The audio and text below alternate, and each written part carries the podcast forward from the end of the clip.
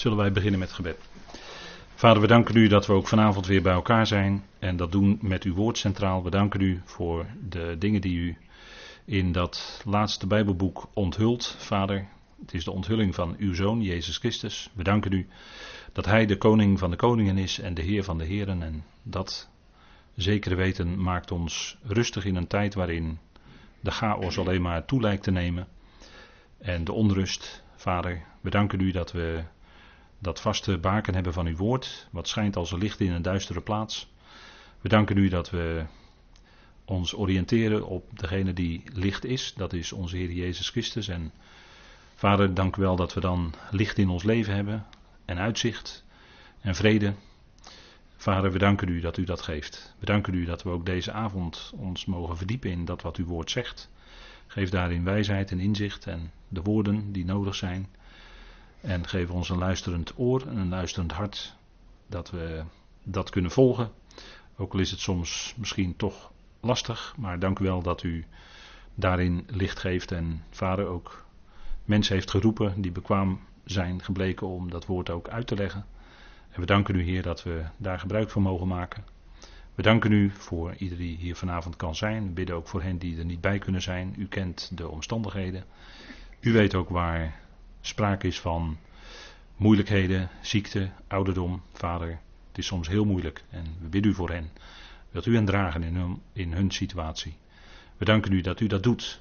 En ook zo vanavond deze avond hier geeft. We danken u daarvoor in de machtige naam van uw geliefde zoon. Amen. Goed, ik wilde graag met u dan een stukje lezen. En dat doe ik uit de inmiddels verschenen concordante vertaling van Openbaring. Weliswaar een proeven.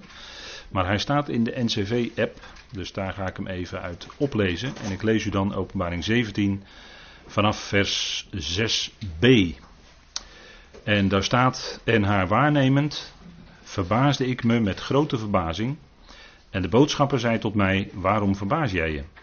Ik zal tot jou het geheimenis uitspreken van de vrouw en van het wilde beest dat zelf draagt. Dat de zeven hoofden en de tien hoornen heeft. Het wilde beest dat jij waarnam was en is niet. En het staat op het punt op te stijgen uit de afgrond en heen te gaan naar de destructie. En die op de aarde wonen, van wie de namen niet geschreven staan op de boekrol van het leven vanaf de nederwerping van de wereld, zullen zich over hem verbazen, ziend van het wilde beest dat het was en niet is en aanwezig zal zijn. Hier is de denkzin die wijsheid heeft. De zeven hoofden zijn zeven bergen waar de vrouw op zit. En ze zijn zeven koningen. Vijf zijn er gevallen. één is er en de andere is nog niet gekomen. En wanneer hij ook maar zou komen, moet hij kort blijven. En het wilde beest dat was en niet is, is zelf ook de achtste en is uit de zeven en gaat heen naar de destructie. En de tien hoornen die je waargenomen hebt, zijn tien koningen die nog niet een koninkrijk verkregen hebben, maar zij verkrijgen volmacht als koningen voor één uur met het wilde beest. Deze hebben één mening en hun kracht en volmacht geven zij aan het wilde beest. Deze zullen met het lammetje strijden en het lammetje zal hen overwinnen, omdat het de Heer van de Heren en de koning van de koningen is. En zij die met hem zijn, zijn de geroepenen en uitgekozenen en gelovigen. Even tot zover. Goed, we kijken vanavond weer naar Babylon. Dit hele hoofdstuk waar we nu een gedeelte uitgelezen hebben gaat over Babylon. En we hebben in de afgelopen keren gezien uh, wat die beelden die Johannes zag, wat het voorstelt. En Babylon zou je kunnen zeggen, dat open ik dan deze dia mee vanavond, is de koningin van de eindtijd. Hè? Babylon zal de, niet minder dan de wereldheerschappij uitoefenen. En dat zal doen door middel van vazallen. En door middel van, ehm, ja, vervelend woord, maar zo zal het toch zijn, manipulatie. En uh, u ziet hier op dit plaatje de Ishtarpoort, zoals die daar in uh, het, het, huidige Babylon, wat valt zoals u weet onder de UNESCO werelderfgoed, werelderfgoederen. Uh, die is daar weer opgericht, maar u kunt hem ook zien in het Pergamum Museum in Berlijn, als ik het goed zeg. Daar is ook een replica van de Ishtarpoort. Dus dan kunt u wat dichterbij dat bezoeken. En dat is natuurlijk gewijd aan uh, Ishtar, de naam zegt het al. Hè. Dan hoort u Astarte, de koningin des hemels, wat moet ik dan nog meer zeggen? Dat weet u al voldoende, denk ik. En uh, die wordt hier uh, dan in die poort geëerd en uitgebeeld. Dus die is in, weer in ere hersteld. Het is natuurlijk bijzonder dat toch Babylon in onze tijd herbouwd is. En um, in het commentaar van broeder Nog las ik dat hij ook toen hij in het Midden-Oosten is geweest, uh, ook Babylon heeft bezocht. En toen verbaasde hij zich erover dat het niet een klein dorpje was of een ruïne, maar dat er toen, toen de tijd, toen hij er was, en ik schat zo eind twintige jaren van de vorige eeuw, uh, toen uh, woonden er zo'n 40.000 mensen. Dus toen was het ook al een redelijke plaats. Dus dat was in zijn dagen al zo. En hij had natuurlijk al, toen al uitvoerig geschreven over Babylon. Dus dat was alleen maar een bevestiging van wat hij ook dacht. Rome is niet Babylon, dat is denk ik duidelijk. Hè? In voorbije tientallen jaren is nog alles in allerlei tijdschriften die gewijd zijn aan profetie. Populair in de evangelische wereld beweert dat Babylon Rome is en dat de tien statenbond in Europa waarschijnlijk uh, is wat we gelezen hebben vanavond. Nou, inmiddels zijn het 28 staten geloof ik, de Europese Unie. Dus Rome is niet Babylon. Hè. In de tijd van de Reformatie was het vrij breed, werd vrij breed gedragen de gedachte dat de paus de antichrist is. He, Calvijn, Luther, Zwingli en noem ze allemaal maar op. Die geloofden in die tijd allemaal dat de paus de antichrist is. En dat was in de tijd van de reformatie misschien ook wel logisch in die tijd. Omdat men zich, uh, men moest zich losmaken van de kerk van, uh, van de Romeinse kerk enzovoort. En daar kwam natuurlijk een contra-reformatie op. En Ignatius de Loyola enzovoort. Hè, dat weet u allemaal wel. De hevige vervolgingen van de protestanten. Bloedig, zeer bloedig zelfs vaak door de Rooms-Katholieke Kerk. Hè, daar zijn wat dat betreft ook wel weer uh, bloedige bladzijden geschreven in die tijd. Maar uh, ook binnen reformatorische kerken vind je deze gedachte nog wel eens terug. Uh, wordt nog wel eens naar voren gebracht dat men zegt dat de paus de antichrist is en dat Rome Babylon is. Maar Rome is gewoon Rome in de Bijbel en Babylon is Babylon. Dat is eigenlijk logisch. Hè? Deze paus Bergoglio, uh, strikt formeel heb ik gelezen, maar ik weet niet, ik heb dat niet verder nagezocht, maar strikt formeel beweert iemand dat omdat hij een Jezuïet is, hij eigenlijk geen paus kan zijn. Want een Jezuïet kan nooit paus worden. Dus dat schijnt zo te zijn, maar goed, dat zeg ik met een beetje reserve, want dan moet ik het zelf nazoeken. Uh, dat is wel dus bijzonder dat hij en Jezuïet is en voor de functie van paus vervult. Uh, en u weet dat de Jezuïet een enorme machtige organisatie is. Uh, waar, uh, ja, waar ook heel veel in omgaat, laat ik het maar even zo uh, afsluiten. Babylon is Babylon. U ziet hier de, links de ziggurat, een oude getekende voorstelling zoals men meende dat Babylon vroeger geweest is in Genesis 10 en 11. En de rechtse is ook een plaatje van de beroemde hangende tuinen van Babylon. Waar men ook nog niet eh, van heeft ontdekt hoe dat nou precies uh, heeft gewerkt. Hoe je dan dat water daar moet krijgen, hoe dat alles. Dat is nog steeds een van de, de wereldwonderen van die tijd. Maar Babylon is Babylon, hè, volgens de schrift. Er wordt uh, op diverse plaatsen natuurlijk over Babel geschreven. Niet alleen de wegvoering door Nebukadnezar van uh, de twee stammen. Maar ook in uh, openbaring 13 en 14 wordt geschreven over Babel. En in Jezaja 47. In Jeremia 50 tot en met 52. Daar zijn ook parallelteksten.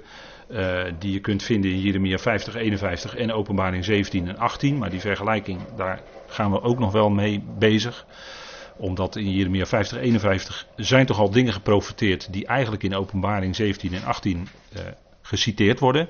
En die dus dan echt, als dat gebeurt, gaat dat in vervulling. Dus de profeet Jeremia heeft daar ook al over gesproken. Rome's invloed is zeer groot, om nog heel even terug te komen op uh, Rome. Uh, vooral door de Jezuïeten. Als je dat gaat onderzoeken, dan schrik je hoe groot die invloed is van de Jezuïeten. En er zijn ook heel wat bekende Nederlandse politici die op een Jezuïetenschool hebben gezeten.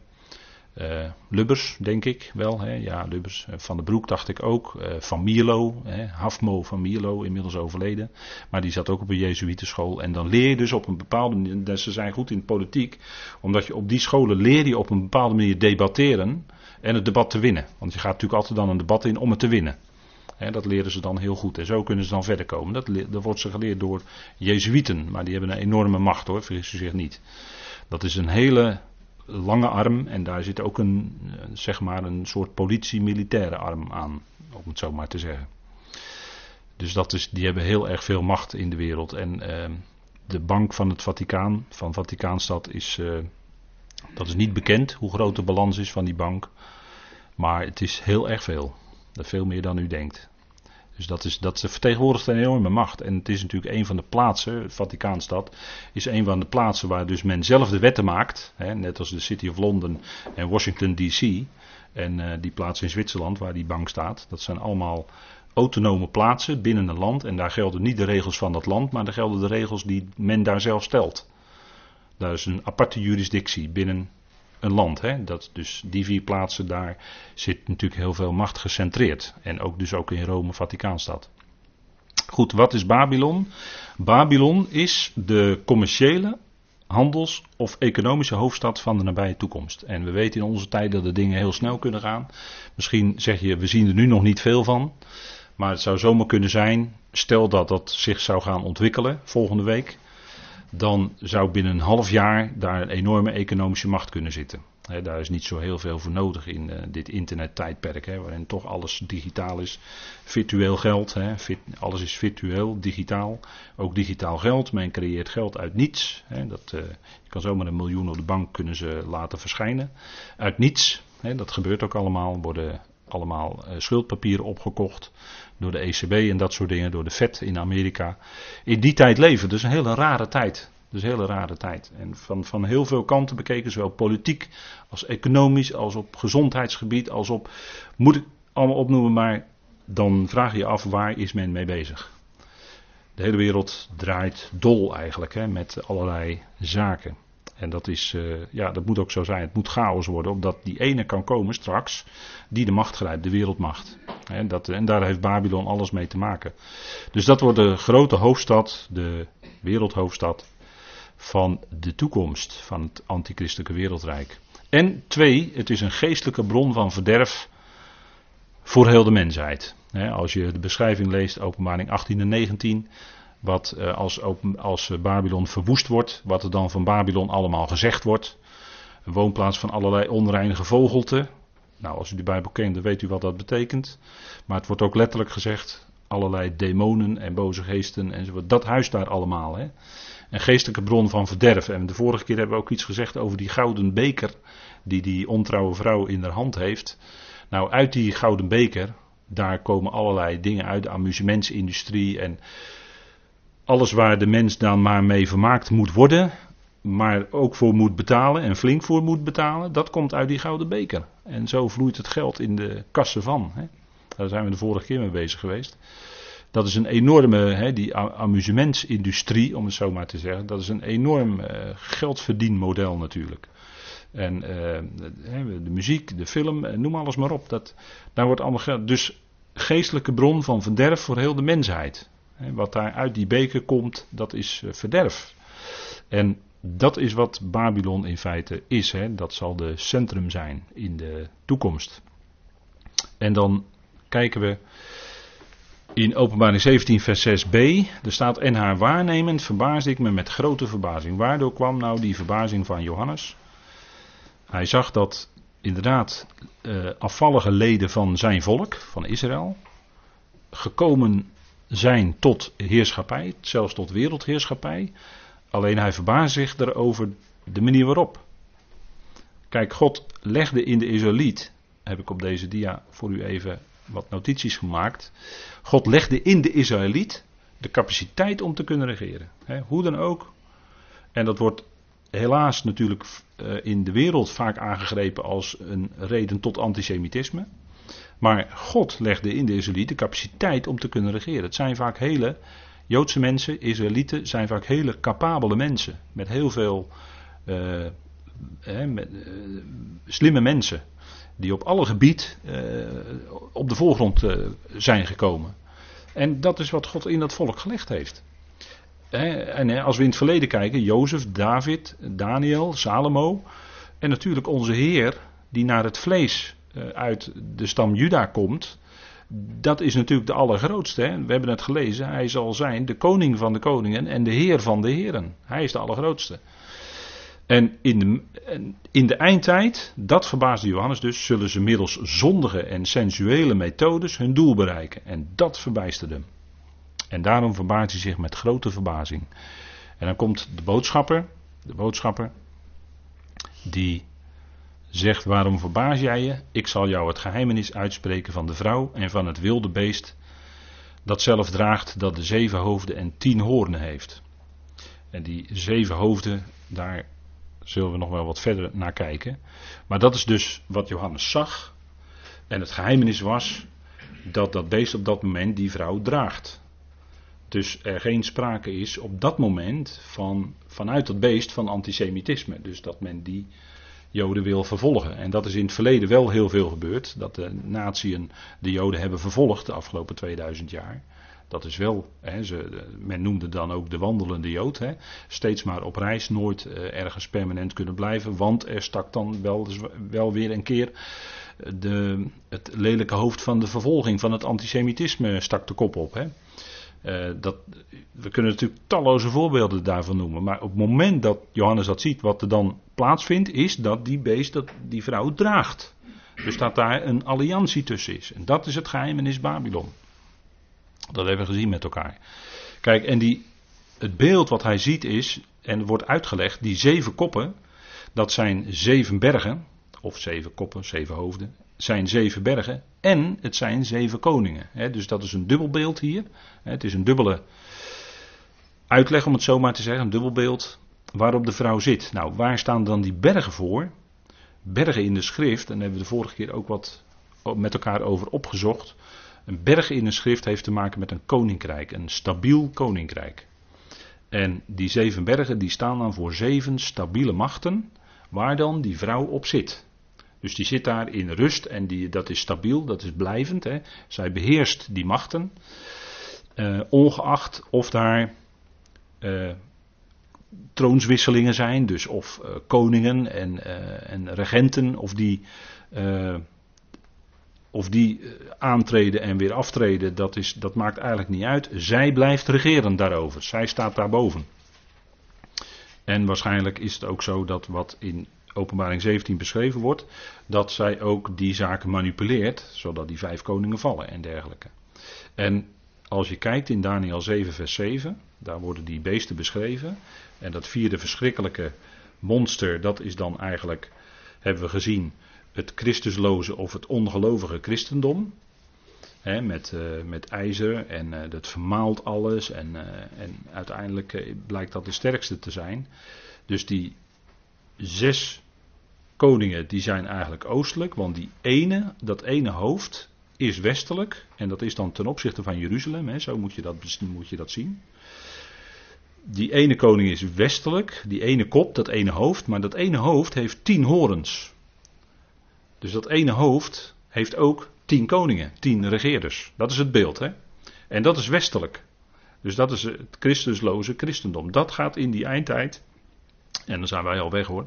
Maar dat gaat in die eindtijd een rol spelen.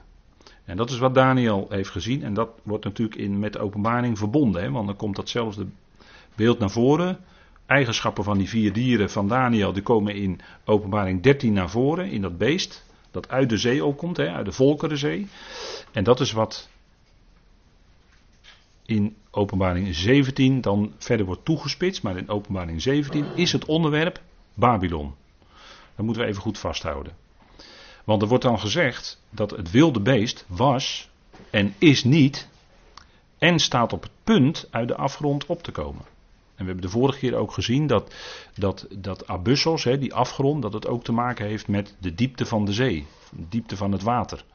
En dat het dus ook mede een beeld is van de Volkerenzee. En daar komt dan dat beest wat even niet is, maar komt daaruit weer op. Dus dat zal weer terugkomen in die macht. En het punt is dat tijdens dat dat het beest niet is, dus niet die grote wereldmacht uitoefent, bereikt die Babylon, die ontrouwe vrouw, dat is het afvallige Israël, het toppunt van haar macht. En het punt is dat in die periode draagt ook dat beest, dat draagt die vrouw. En dan gaat die vrouw ook, want er zijn dan zeven hoofden, zeven koningen, zeven regeerders. En dan gaat hij, en dat kan bijna niet anders, hè, want het onderwerp is Babylon in het hoofdstuk. Dan gaat hij Babylon, die vrouw dus, die gaat hij die gaat manipuleren. Die gaat zorgen dat die vijf vallen. Want dat is wat er gaat gebeuren. Dat vijf koningen gaan vallen. En het punt is dat door al die ontwikkelingen heen, en dat is wat we vasthouden, door die verwikkelingen heen van Openbaring 17, die zullen uiteindelijk toch leiden tot onderschikking. Hè? Dat, is het, dat is het doel wat God voor ogen staat. Hè? We zijn nu bezig te bespreken in de gerichten en wat gaat gebeuren in de eindtijd.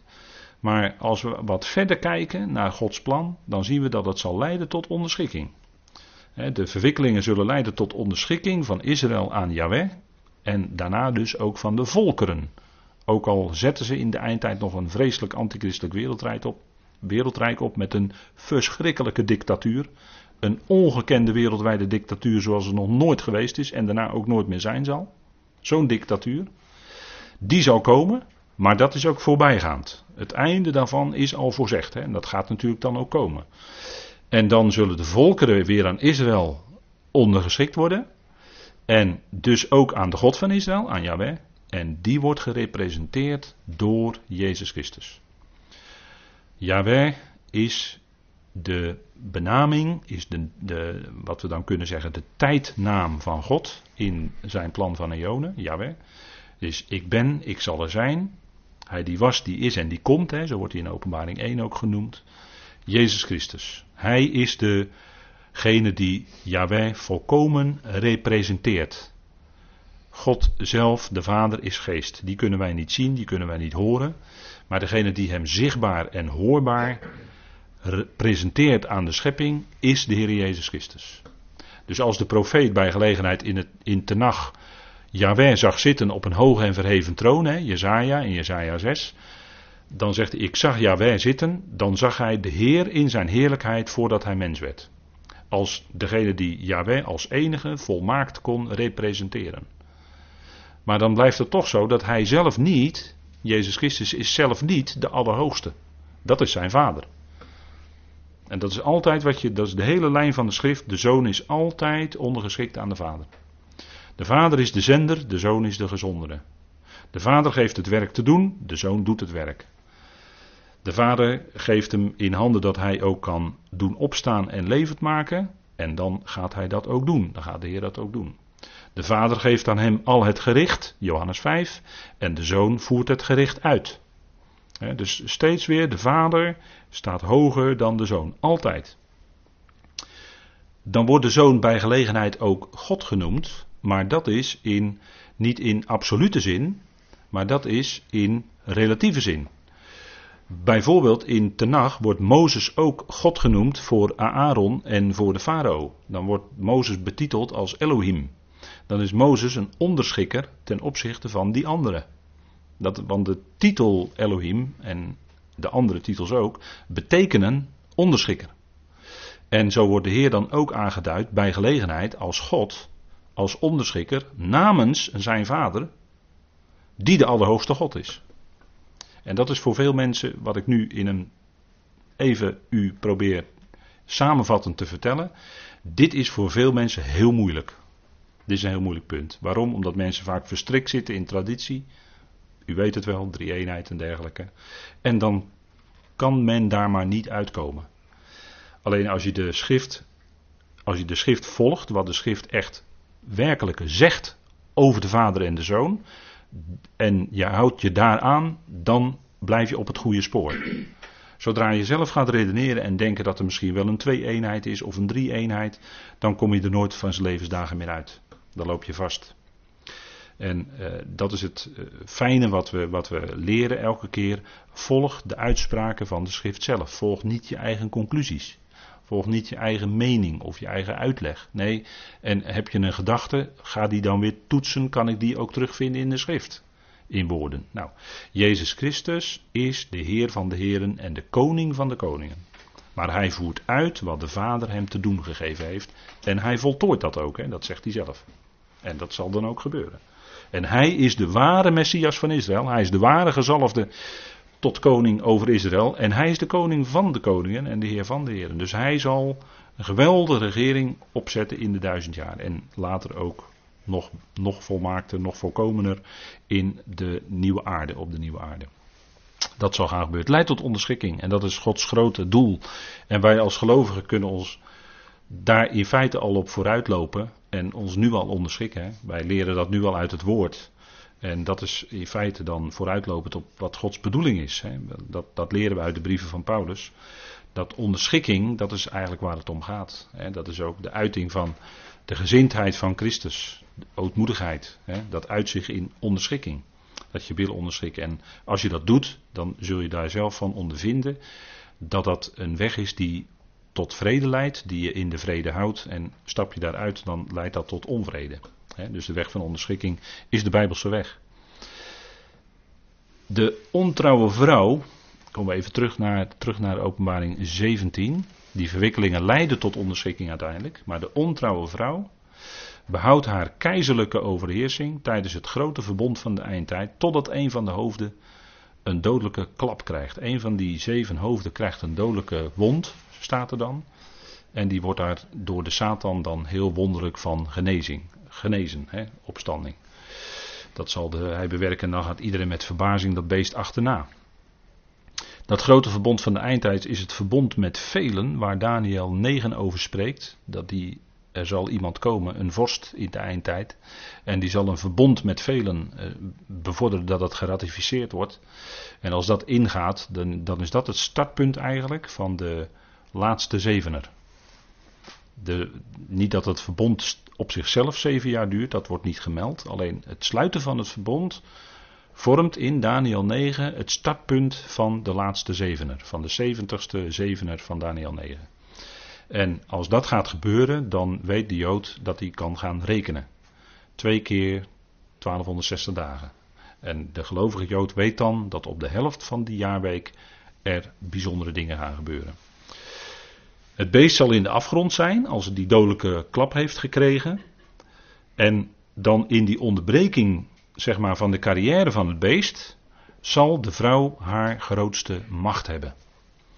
En dat is, wat we, dat is wat men in de eindtijd zullen zien. En ik weet niet in hoeverre wij dat zullen zien van bovenaf. Deze verwikkelingen, dat weet ik niet. Maar zo zal het zich gaan afspelen. En dan zal die vrouw eh, rijken tot wereldheerschappij. Hè? En het is nu al zo dat men door, uh, dat hebben we gezien ook in, in de vorige keren van het geheimenis Babylon, dat die vrouw door middel van uh, enorme renteheffingen vele, vele in de schulden heeft doen gaan. En men kan eigenlijk die rente al helemaal niet meer terugbetalen. Laat staan het oorspronkelijke of de, het geleende bedrag. Dat kan helemaal niet meer terugbetaald worden.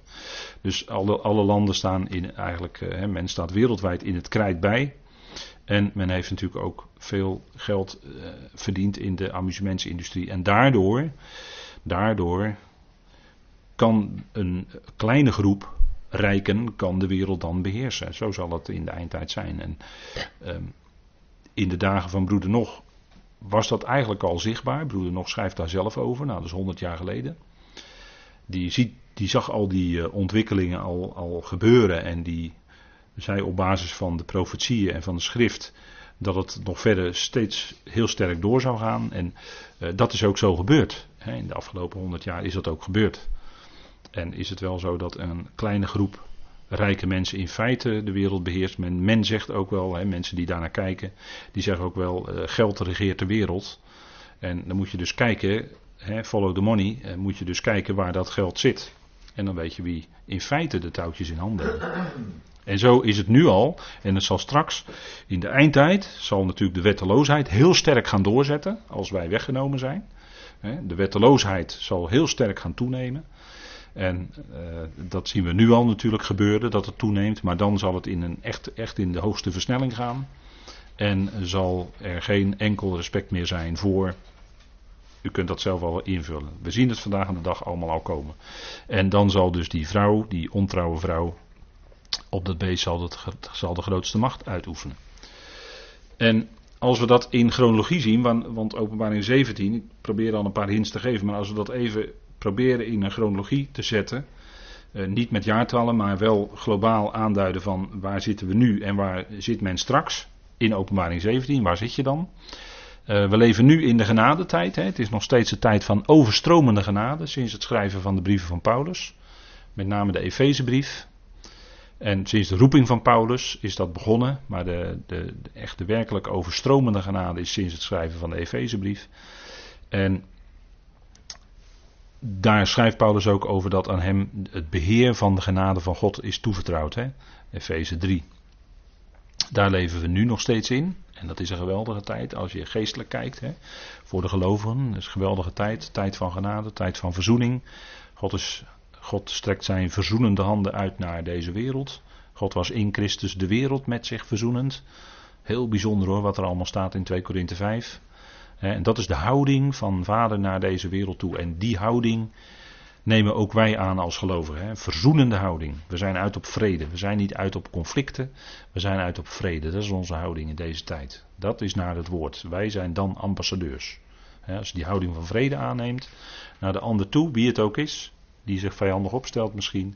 Maar als je die houding van vrede aanneemt, dan ben je die ambassadeur waar Paulus het over heeft in 2 Korinthe 5. God rekent de krenkingen niet aan, maar hij heeft dat alles op zijn zoon neerdoen komen. Hè. Genadetijd, dat is een geweldige tijd. Is genadetijd en die eindigt met de bazuin van God. dat, is, uh, dat is echt een zekerheid. De genadetijd, zoals we die nu kennen, de overstromende genade. God blijft daarna ook genadig hoor, natuurlijk. Maar de overstromende genade zoals we die nu kennen, die eindigt met de bazuin van God. 1 Thessalonicense 4, dan worden gemeenten weggerukt, dan gaan we als hele gemeente de Heer ontmoeten in de lucht.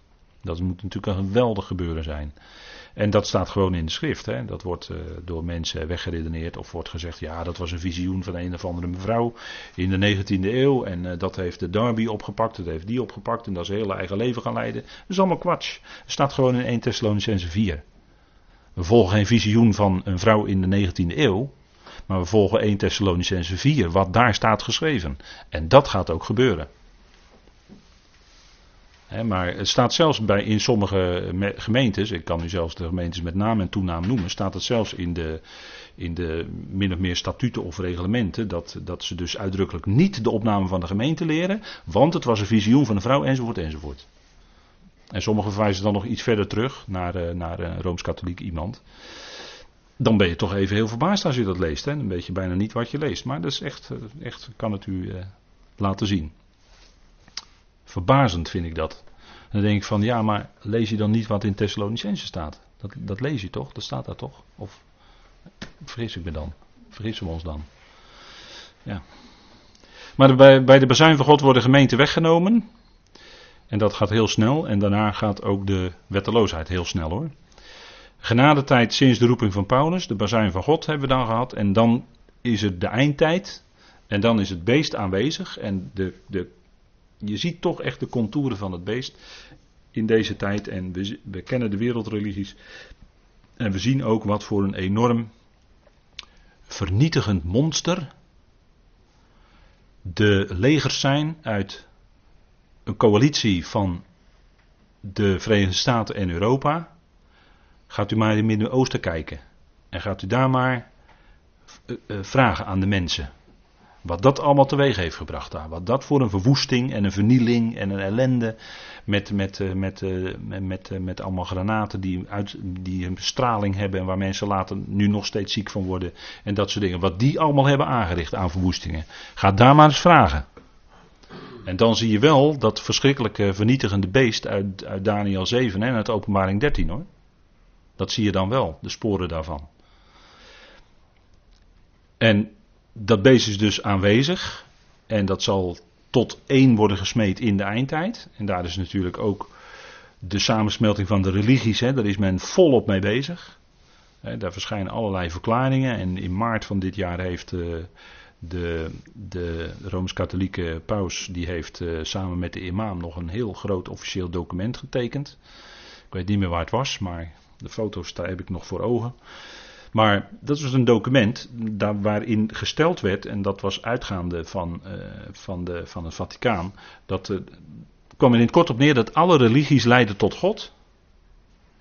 Alle religies, dat is gewoon allemaal hetzelfde. Dus ieder, ieder die een gevoel heeft en een gevoel heeft dat hij verbonden is met God, hoe dan ook. Gevoel hè. Die, die is ook verbonden met God. En dat is wel goed, welke religie het ook is. Of het nou Hindoeïsten zijn, of islam, of christenen. Of, maakt allemaal niet uit. Dat document is getekend. Hè? Dus het is nog eens een keer een duidelijke onderstreping uh, waar men mee bezig is. Hè? De eenwording tot, om tot één wereldreligie te komen. Daar gaat het natuurlijk toe leiden. Dan krijgen we, dat is, de, dat is natuurlijk wat enige tijd, ik weet niet hoe lang, maar enige tijd nadat de bazuin geklonken heeft, gaat die 70ste week komen van Daniel 9.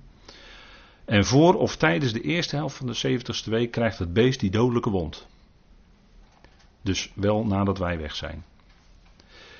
Met andere woorden, dat stukje openbaring 17, wat we gelezen hebben, vers 8 tot en met 11, van dat beest dat was, dat niet is en er weer zal zijn, dat speelt zich af voor de helft van de 70ste jaarweek. Want dan komt die dodelijke wond, hè, eh, tot en met vers 11.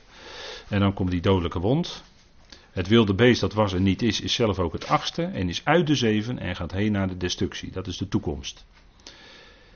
En er wordt beschreven over dat er eentje zal komen. De andere is er nog niet, vers 10. En wanneer hij ook maar zou komen, moet hij kort blijven. En dan komt, dat is de zevende en daarna komt dan die achtste. Nou, dat vindt dan plaats in de eerste helft van de jaarweek. Als je dat terug gaat leiden. En die verwikkelingen, die zullen ertoe leiden dat die achtste, hè, dat het achtste, dat die achtste, dat is dan eigenlijk de wetteloze. Maar eerst zullen de vijf koningen vallen. Hè, dat wordt gezegd in, uh, in 17 vers 10. En zij zijn die zeven hoofden dat zijn zeven bergen, dus dat stelt A zeven stabiele machten voor. Maar binnen die stabiele machten zijn de troonswisselingen. Treden de verschillende regenten op, of regeerders of presidenten treden erop. En dan staat er ook, en ze zijn zeven koningen. Maar die vrouw die blijft zitten, ongeacht of die koningen er zijn of niet. Vijf zijn er gevallen. Dus hoogstwaarschijnlijk zal die invloed die die vrouw kan uitoefenen vanuit die wereldmacht, die zal haar invloed aanwenden om vijf te laten vallen. Dat wil niet zeggen dat ze gedood worden, maar ze vallen. Ze zijn niet meer regent. Of ze moeten aftreden als president of wat dan ook. En dan is er nog eentje over. En de andere is nog niet gekomen. En waarschijnlijk is één uit die vijf. Zou heel goed kunnen zijn dat één van die die gevallen zijn, dat die weer opstaat en dat dat uiteindelijk dan die wetteloze zal zijn.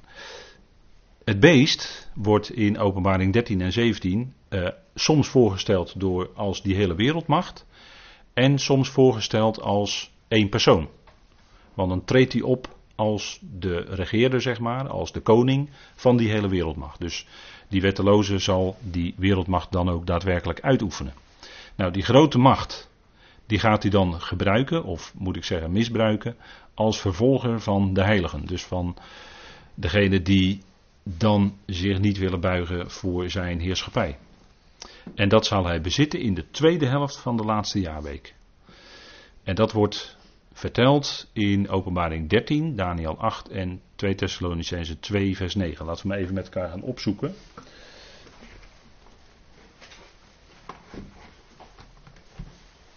Want in de eerste helft zal die wel er zijn, maar pas op de helft van de jaarweek zal hij als het ware zijn ware gezicht laten zien. Dus even openbaring 13 vers 2.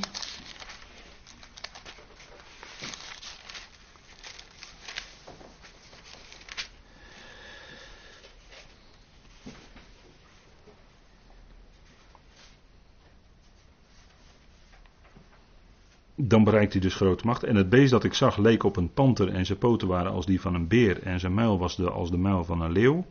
En de draak gaf hem zijn kracht, zijn troon en grote macht.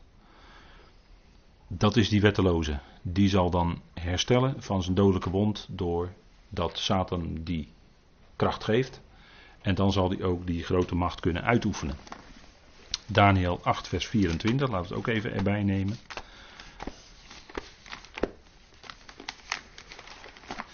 Daniel 8, vers 24.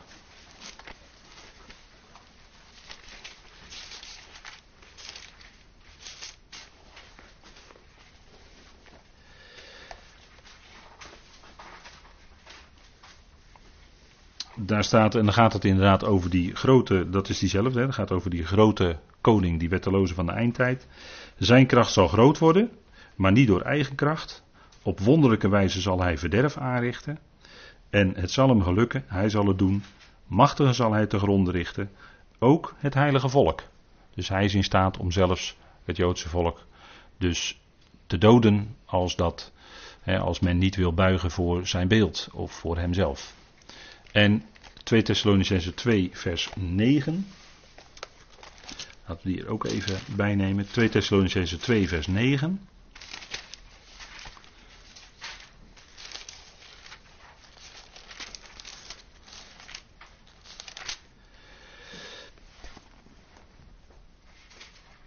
U even ook vers 8 erbij. En dan zal de wetteloze geopenbaard worden. De Heer zal hem verteren door de geest van zijn mond en hem teniet doen door de verschijning van zijn komst of van zijn aanwezigheid. En wiens komst, dus van die wetteloze, wiens aanwezigheid, overeenkomstig de werking van de Satan is met allerlei krachten, tekenen en wonderen van de leugen. En zo zal hij de mensheid kunnen misleiden en naar zijn hand kunnen zetten.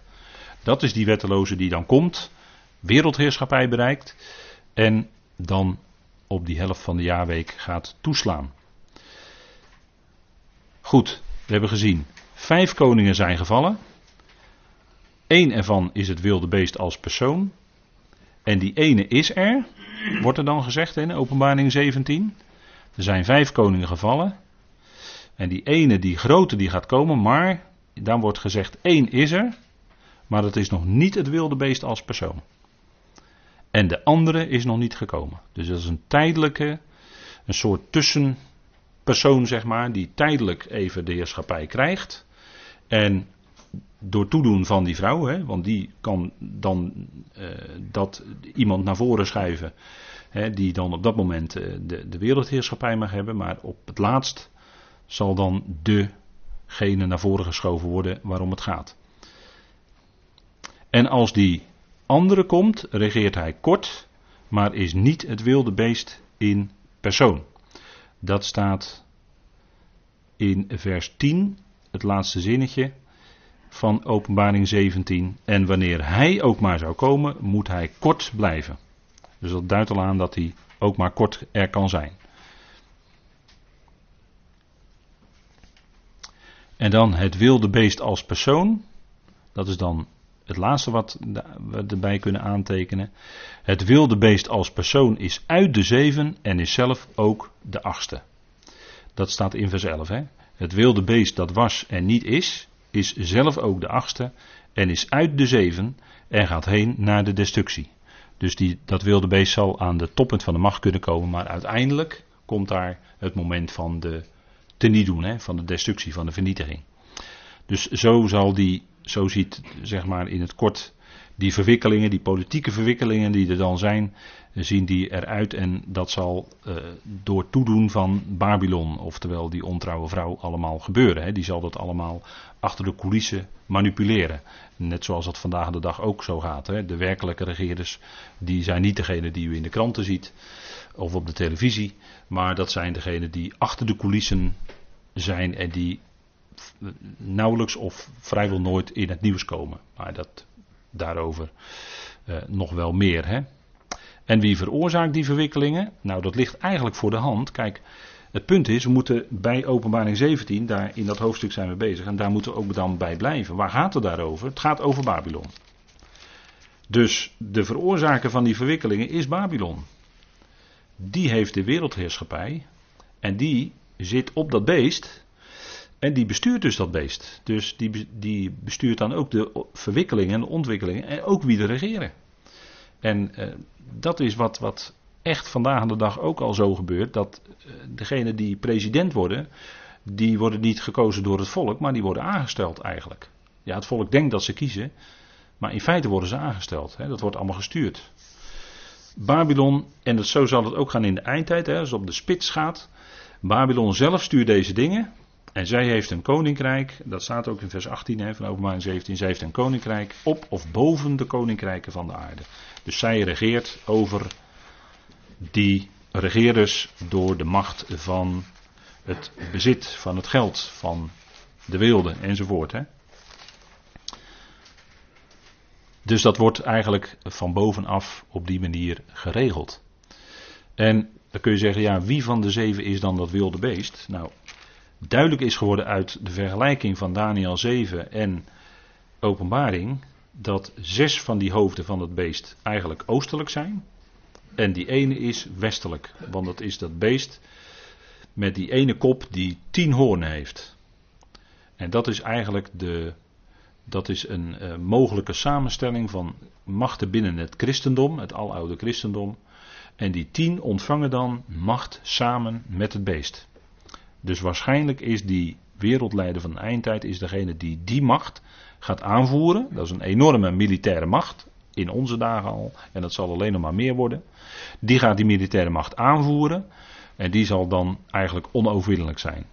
En die zal zelfs dan de heiligen kunnen overwinnen. Dat is wat Openbaring 17, vers 12 zegt. En de tien hoornen die je waargenomen hebt zijn tien koningen. Die nog niet een koninkrijk verkregen hebben, maar zij verkrijgen volmacht als koningen. Voor één uur met het wilde beest. Dus dan gaat die zaak zich helemaal samenballen onder leiding van die ene persoon. Die elders de wetteloze wordt genoemd. En die de leider is. En die zal die hele zaak kunnen leiden en aanvoeren. En in onze tijd eh, zie je daar al een hele. Soms in conflicten zie je daar een zwakke afspiegeling van.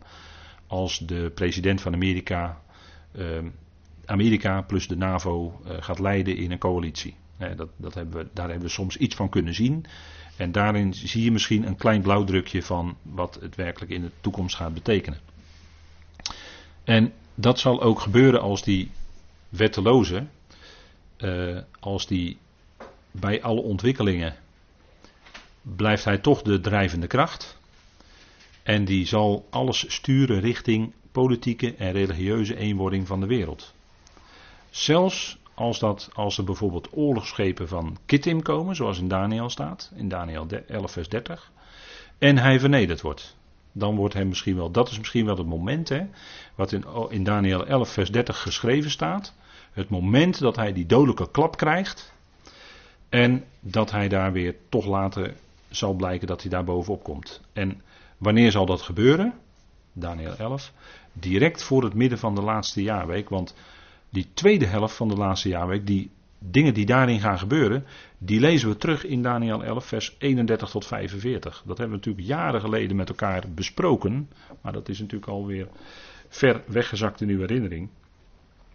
Maar dan zullen er oorlogsschepen komen vanuit Kittim, dat is eigenlijk Cyprus. En hij zal daardoor vernederd worden. En dat is uh, een ontwikkeling. En hij zal dan, na Daniel 11, is dat de koning van het noorden, wordt hij daar genoemd. En er zijn de verwikkelingen met de koning van het zuiden. Hè, de koning van het noorden en het zuiden. Zijn allerlei verwikkelingen. En dit is zo'n verwikkeling in Daniel 11. Maar dan zal hij ook tot de top van zijn macht komen. Want dan zal hij ook niet meer tegengehouden kunnen worden. Hè. En dat is wat, uh, wat, je, wat je eigenlijk in onze tijd is al een hele lange ontwikkeling bezig. Dat uh, bijvoorbeeld, uh, wij maken dat ook mee binnen de Europese Unie. Dat er steeds meer macht overgedragen wordt vanuit nationale staten richting een hogere macht. En dat is dan de Europese Commissie in Brussel. En de VN heeft, is daar natuurlijk ook zo'n hogere macht. Hè, die die heeft al meer macht en invloed. De Wereldhandelsorganisatie, de Wereldgezondheidsorganisatie kan ook allerlei regels voor de hele wereld uitvaardigen. Dus je ziet al eigenlijk al een, al een behoorlijk lange ontwikkeling, van, van zeker al 100 jaar, misschien al wel langer, die wil toewerken naar één grote wereldstaat. En ik heb al vaker gezegd, op communistische leest geschoeid. dat is het wereldcommunisme wat gaat komen. Rusland en China zijn wat dat betreft proef, grote proeftuinen geweest. Nou, u weet wat dat betekent. Dat is een uh, enorm schrikbewind. Maar dat zal dan wereldwijd zijn. dat zijn blauwdrukken. En die, zijn, die blauwdrukken zijn daar niet voor niets geweest. Ook dat zijn allemaal gestuurde processen geweest. Om tot uh, communisme te komen. En uh, die, dat zijn de blauwdrukken. Maar men wil komen tot één grote wereldheerschappij. En mensen, ja, nogmaals, die niet zo in de publiciteit treden, die blijven steeds zitten op hun plek. Terwijl presidenten worden aangesteld en die verdwijnen weer. Regeringen komen en die verdwijnen weer. Maar er zijn altijd bepaalde mensen die macht uitoefenen, die blijven zitten. En daar zit eigenlijk datgene waar, van waaruit ook gestuurd wordt. Dat zijn echt hogere uh, echelons binnen deze wereld, hogere regerings, regeringseenheden, die in feite de hele zaak sturen. En uh, wat er dan op lager niveau gebeurt, ach, de mensen zoeken het maar uit. Hè. Dat, uh, dat is eigenlijk de houding. En, en dat is waar dan in die eindtijd zal er tot een toppunt komen. En dan zal blijken, en, en het wordt niet voor niks een wild beest genoemd. Hè? En, en dat is in het Grieks een therion. Dat is een wild beest. En zo zal het in de eindtijd zich ook gedragen. En dat zal enorm veel eh, schade berokkenen aan de mensen. En, dat, eh, en de, daar, daar komt ook het gericht op. Het is tijdelijk. Wij hebben de verwachting die ons in de schrift wordt voorgesteld. En die zeker in de toekomst ingelost, hè, al die beloften zullen zeker vervuld worden. Wij hebben die verwachting dat het kort zal zijn en hevig. Hè. Als die dingen in openbaring staan, dan gaat het snel. Als het allemaal gaat gebeuren, gaat het heel snel. En in onze tijd zeggen we al van de dingen gaan zo snel. De, de nieuwe ontwikkelingen en de verwikkelingen. De wereld zal er misschien over één jaar vanaf nu heel anders uitzien. Hadden we nooit gedacht, zeggen misschien wel over een jaar tegen elkaar. Of niet, dat weten we natuurlijk niet. Maar de ontwikkelingen gaan soms heel erg snel en dat zal ook in de eindtijd zo zijn. Hè? En als God een gericht doet, dan doet hij dat relatief in korte tijd. Diep ingrijpend is het in openbaring, heel diep. Maar dan zal het ook de zaken rechtgezet zijn. En dan zal het koninkrijk aanbreken. En daar snakt men naar, daar snakt Israël naar, daar snakt de mensheid, de volkeren snakken daarnaar in feite. Maar tot dan toe zal het onrust blijven, het zal niet rustig worden. Het zal niet rustig worden. Maar het zal onrustig blijven, steeds onrustiger worden waarschijnlijk. Totdat die wetteloze komt. En daar gaat het naartoe. En in, openbaar, of in Daniel 11, wil ik dan toch even, ik heb het op de dia wat uitgeschreven voor u. Um, Daniel 11, daar staan die verwikkelingen van die, van die eh, regeerder, van de regeerder van de eindtijd. En dan vanuit Daniel 11 profetisch aangegeven. Op de vastgestelde tijd zal hij, dat is die koning van het noorden, terugkeren en in het zuiderland komen. Het zal echter niet zoals in het vorige of de latere zijn. En er zullen tegen hem schepen van Kittim komen. Hij is zuur wanneer hij terugkeert. Hij dreigt tegen het heilig verbond en maakt zijn oppositie. En dun gedrukt dan, dat is dan ingevuld als uh, wat toelichting in de vertaling. En maakt zijn oppositie effectief. En hij keert terug en hij heeft een verstandhouding met hen die het heilig verbond verlaten. Bewapende krachten van hem zullen staan en zij doen het heiligdom geweld aan. En het heiligdom is dan in Jeruzalem, dat heiligdom. De sterkte en nemen het voortdurende, dat is eh, de offerdienst die er dan zal zijn, het voortdurende, tussen haakjes ritueel, weg. En geven dat over aan de gruwel van de verwoesting. En de gruwel van de verwoesting, daar heeft de Heer Jezus iets over gezegd. Die heeft daar in Matthäus 24 van gezegd, dat als die opgericht wordt, die gruwel van de verwoesting, en dat lezen we hier dus in Daniel, daar refereert de Heer aan. Als die wordt opgericht, dat is het afgodsbeeld, beeld van het beest, en iedereen moet dat verplicht gaan aanbidden, dan moet je maken dat je wegkomt. Dus de gelovige Jood zal dan weten uit de schrift dat hij moet wegwezen als hij in het land is. En dan zal die wetteloze dat ritueel dus stopzetten en daarvan, daarvoor in de plaats afgodendienst en zichzelf laten aanbidden. En dan staat er verder nog, en de koning, dat is een paar versen verder, en de koning doet zoals hem goeddunkt en hij zal zich verheffen en zich verhogen boven iedere god. Met een kleine letter, hè. En tegen de God van de goden zal hij enorme dingen spreken. En voorspoedig zijn tot het gevaar afgesloten wordt, want dan, want dat wat vastbesloten is, zal gebeuren. En ook deze, dat hij zich verheft tegen de God van de goden, die speelruimte krijgt hij dan op dat moment van God. Dat moet ook gebeuren zo. Hij krijgt die speelruimte. En ook zelfs de, de tegenstander zal daarin een rol spelen, want die zal hem ook zijn grote macht en kracht geven. Maar die tegenstander krijgt op dat moment de ruimte van God om dat te doen. Hij moet dat ook doen. Dat moet zo gebeuren. Dat is de bedoeling.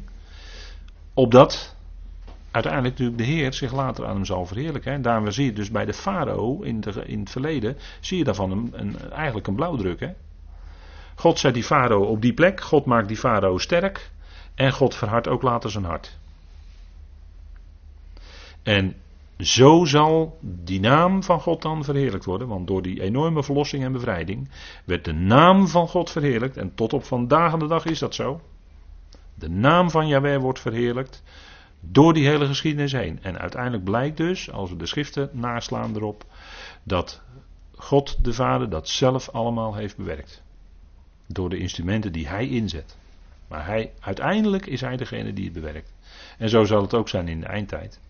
Ook die vijandige machten, die kunnen niet meer doen dan dat ze toegestaan wordt. En, maar ze moeten dat ook doen. Ze worden in die positie gebracht en gemanoeuvreerd. En ze moeten dat dan ook gaan doen. Precies dat. dat is eigenlijk de, de totale controle die God in zijn plan heeft. Alles is in zijn hand. Dat zeggen we wel eens tegen elkaar. Zo in een, om elkaar te bemoedigen. Maar dat, dat, dat blijkt, dat blijkt in de schrift. Ook in die grote politieke wereldverschuivingen van de eindtijd en ook vandaag de dag. Alles is in zijn hand. Niets loopt hem uit handen. Er gaat niets mis. Ook straks niet. Als we deze dingen in profetie vooruitzien met de profeten, dan gaat er niets mis. Maar alles is in zijn hand. En dat geldt ook voor ons persoonlijk leven. Wat daarin gebeurt, het gaat niet buiten hem om. Maar ook dat wat ons overkomt, het is in zijn hand. En, en eh, vader, en uiteindelijk is God liefde en komt hij met iedereen tot zijn doel en zal iedereen leven. Daar gaat het naartoe. En als we in dat perspectief kijken, en zo zouden we ook deze dingen van openbaring, wat moeilijke dingen zijn, zouden we ook in dat perspectief zien, hè? In, dat, in dat licht bekijken. Je moet altijd kijken vanuit het einddoel. Het einddoel is dat God alles in alles zal zijn. En alles wat daar gebeurt op weg naar het einddoel toe, dat moet gebeuren opdat het dat einddoel ook zal zijn. Dus het is eigenlijk onontkoombaar. Hè? En, en dat is het geweldige van God. God overziet vanaf het begin het einde. En daarom kan, kon die profeten dingen laten zien. Werden ze in de geest weggevoerd, hè, Johannes, in de dag des Heren. Nou, de dag des Heren is niet de zondag, maar dat is de dag die nog gaat komen. De dag van, dat volgt op de dag van de mens. Maar die dag des Heren gaat nog komen. Dit zijn de inleidende gerichten van de dag des Heren. En daar werd Johannes in de geest in overgeplaatst. Hè? Openbaring 1 vers 10. En toen zag hij dingen die in die eindtijd gaan gebeuren. En dat kon hij soms moeilijk omschrijven. Of hij wist, zocht bij wijze van spreken naar de mens gesproken naar woorden. Maar hij heeft het wel zo moeten opschrijven. Maar dat, dat heeft hij gezien. En dat gaat ook plaatsvinden in die eindtijd. Want God liet hem al zien wat in die eindtijd gebeurt, hè, dat kunnen wij niet voorstellen, maar God die overziet ineens dat hele plan tegelijkertijd. Ja, dat, dat duizelt voor ons, dat kunnen wij helemaal niet bevatten. Maar zo groot is God. Hè. Dat spreekt ook over een hele andere dimensie dan die van ons mensen. Heel anders. Maar dat is natuurlijk geweldig wat, wat dat, dat, dat besef hebben en dat geeft ons diepe vrede in ons hart. Vader, het is in uw hand. Wat mij overkomt, maar u doet het, u doet het goed, vader. En ik dank u daarvoor.